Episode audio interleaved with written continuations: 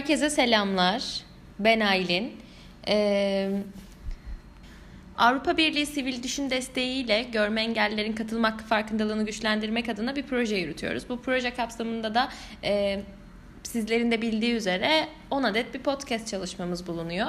Bu podcast serimizi bugün tamamlıyoruz. E, o yüzden ilk, ilk e, podcastlerden biraz bahsetmek istiyorum sizlere. Öncelikle bu podcast serisinin amacı e, engelli bireylerin katılım hakkı farkındalığını hem arttırmak e, hem de engelli çalışmaları alanında çalışan e, STK'ların da yararlanabilmesini ve sosyal bir etki yaratmayı amaçlamakta katılım hakkı bağlamında hem güçlendirilmelerini sağlarken bir yandan onların da kolaylıkla erişebileceği bir şekilde bir içerik oluşturuyoruz. Bu kapsamda ilk girişi engellik nedir ile başladık. Ee, ve Betül kolaylaştırıcılığında bunu gerçekleştiriyoruz. Betül nasılsın? İyiyim. Sen nasılsın? Ee, ben biraz bugün ilk nelerden bahsettik bunlardan bunlara değinmek istiyorum. Hı-hı. Daha sonrasında tekrardan e, sözü sana bırakacağım. E, engellilik nedir'in böyle bir tanımsal e, açıklamasını yaptı Betül bizlere. Ardından e, her zaman konuşulduğu üzere hak temelli bir bakış açısı mı yoksa yardımseverlik e, temalı olan bir yaklaşım mı benimsenmeli? Bunun üzerine konuştuk. Ardından engelli hakları hareketlerine değindik. Tabii ki e, Türkiye'dekilere değindik sadece. E, bu kapsamda da e, engelli haklarının içerisinde de yer alan katılım hakkı, e, katılım hakkına değindik. E, nasıl, neye katılım, katılım hakkı dediğimiz zaman ne anlıyoruz? E, bunlardan bahsettik. Ardından da uluslararası düzeyde engelli hakları özellikle de engelli hakları sözleşmesi ışığında tanımlandı ve e, uluslararasına değindikten sonra ulusal düzeyde de neler var engelli hakları alanında bunları konuştuk. E, engelli hakları e, anayasadaki yeri bunlara değindik. E, ve e, yavaş yavaş da yerel düzeyde engelli haklarına indik. Bu noktada e, belediyelerin yapmış olduğu çalışmalar, e, kent konseylerine değindik.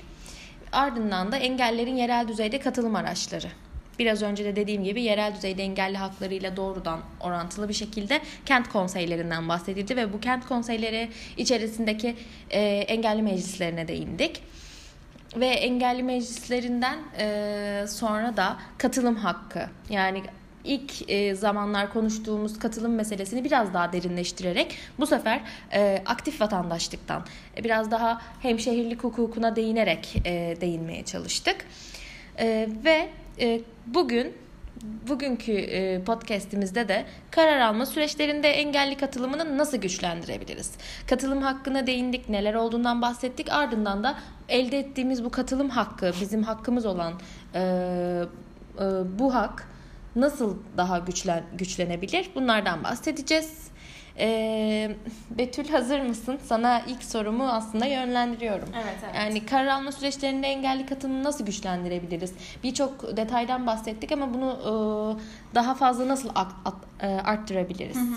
Öncelikle ben e, bu konuya şöyle başlamak istiyorum. E, bu katılım konusundaki engellere biraz değinerek. Yani engelleri kaldırdığımız zaman bu katılımların gerçekleşebileceğini düşündüğümüz için hı hı. öncelikle biraz o şekilde başlamak istiyorum engelli bireylerin hayatlarını kolaylaştırmaya yönelik politikaların oluşturulmasında, e, politikaların alınmasında, bu kararın verilmesinde ve e, uygulanma sürecindeki aşamalardaki e, en büyük eksiklik karar alıcı veya uygulayıcı konumunda olan mekanizmalar içerisinde hep söylediğimiz gibi engelli bireylerin dahil olmaması yani, durumudur hem dahil olmamaları hem temsil açısından da birilerinin yer almaması. Evet kesinlikle temsiliyet de çok önemli. Fakat temsiliyet durumunun olmaması e, daha öncelikli değil mi? Ol, ol, temsiliyet durumu yok ama e, kendi fikirlerini söylemeleri e, daha de çok önemli. yani şöyle e, iki taraflı da çok önemli. Engelli bireylerin kendi haklarını e, dahil yani kendi haklarını savunmak açısından bir temsiliyet göstermeleri hı hı. E, bu doğrultuda zaten kendi sorunlarını direkt olarak e, dahil olmaları. Yani ben diğer sürece... açıdan düşünmüştüm evet senin dediğine doğrudan katılıyorum. E, ben aslında biraz daha şeyden bahsetmiştim.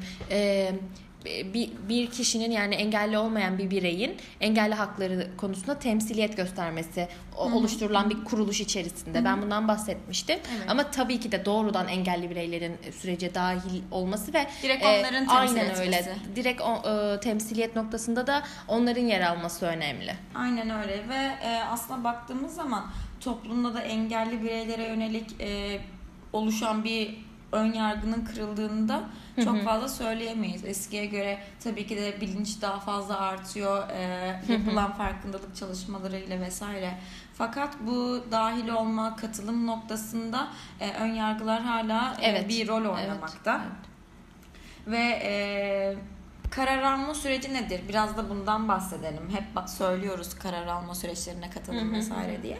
E, karar alma süreci bir sorun tanımlama, e, o sorunla ilgili e, oluşabilecek seçenekleri belirleme ve bu seçenekleri de, e, değerlendirme, e, seçim yapma aslında o seçenekler arasından kararı uygulama ve bu kararı değerlendirme gibi son aşama ilk aşamadan son aşamaya kadar oluşan bir süreçtir ve bu, bu sürece de katılımdan bahsediyoruz biz. Hı hı. Ardından katılımın e, önündeki engellere biraz değinelim. Çok pardon katılımın hani engellerine değinmeden önce aslında e, mevcut düzende engelli bireylerin bu bahsettiğin süreçlerde nerede olduğunu olduğu ile ilgili konuşmak istiyorum. Hı hı. E, çünkü genelde karar vericiler e, sorunu kendili kendileri tanımlıyorlar aslında. E, evet. E, sorunu yaşayana bunu sormadan. Hı hı. E, işte seçenek oluşturuluyorlar. Ne bileyim o seçenekler değerlendiriliyor. Seçimi de yapıyorlar. En son belki karar uygulanıyor ve bu kararların değerlendirme kısmında soruyor olabilirler. Yani burada engelli bireyler son aşamada bunun bu sürece dahil oluyorlar ve aslında biraz iş işten geçmiş oluyor. Evet. Ee, ilk aşamada yer almaları gerekiyor. Hı hı hı. Ee, buna da değinmek istedim. Sen Evet ve e, engelli lik çeşitlerine de e, değinerek evet. bunların evet. yapılması evet. gerekiyor aslında. Çok güzel bir konuya değindin. Bizim de bu e, en, katılımın önündeki engelleri söylememizin sebebi bu engellerin kalkmasıyla engelli katılımı güçlendirebiliriz'in e, vurgusunu yapmak. O yüzden bu podcast'te bunlara değinmek istedim. Şöyle engelli bireylerin e, yani siyasi partiler, yerel yönetimler, özel kamu, e, özel ve kamu gibi kurumlarda e, karar verme mekanizmaları içerisinde etkin olarak görevde bulunmaları oldukça sınırlıdır. Ya da e, yok denecek kadar da az diyebiliriz aslında. Bu sınırı bu şekilde tam, tanımlayabiliriz. Ve bunun sonucunda da karar verme ve karar alma sürecinde dışarıda süreçlerin dışında kalmaktadırlar karar verme süreçlerinde yer almak aynı zamanda e, karar üzerinde söz sahibi olmak demektir dolayısıyla. Engelli bireylerin de kendilerini ilgilendiren e, politikaların oluşturulması, e, bu sürecin dışında kalmaları kendi kaderlerini belirlemenin önündeki en büyük engellerden biridir. Hep bahsederiz ya kendi kaderini tayin etme evet. hakkından. E, bu durumun dışında kalmaktadırlar bu şekilde engeller olduğunda. Ayrıca e, engelli e, haklarını savunan e, sivil toplum kuruluşları, siyasi partilerde, parlamentoda, yerel yönetimlerde, e, kamu ve özelde e, üst düzey yönetici pozisyonunda daha çok engelli bireylerin görev ve e, görev ve yer alması için sivil baskı gücünü kullanmaları gerekiyor. E, engelli katılımlarının güçlendirilmesi için. E, engelli bireyler böylece bu karar alma süreçlerine katılarak katılarak kendi kaderlerini belirleme noktasında söz sahibi olacaklardır.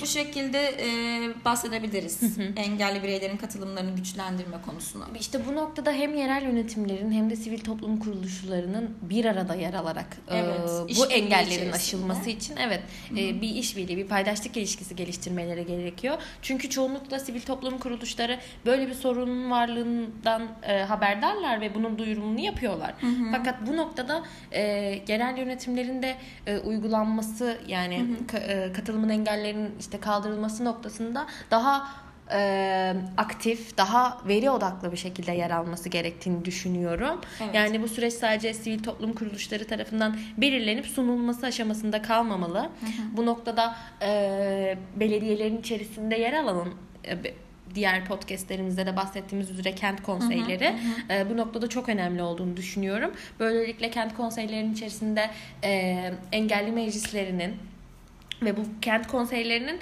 e, yani yerelde her belediye tarafından yer alması lazım. Hani engelli birimi hı hı hı. içerisinde.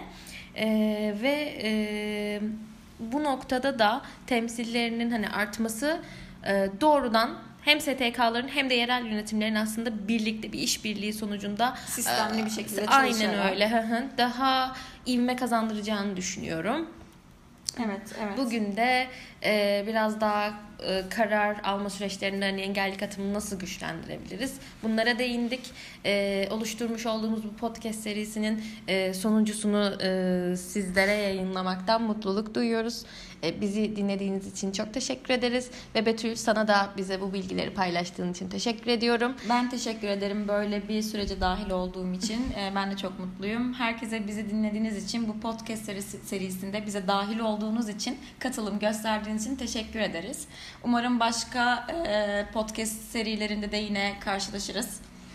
Görüşmek üzere. Herkese sevgiler.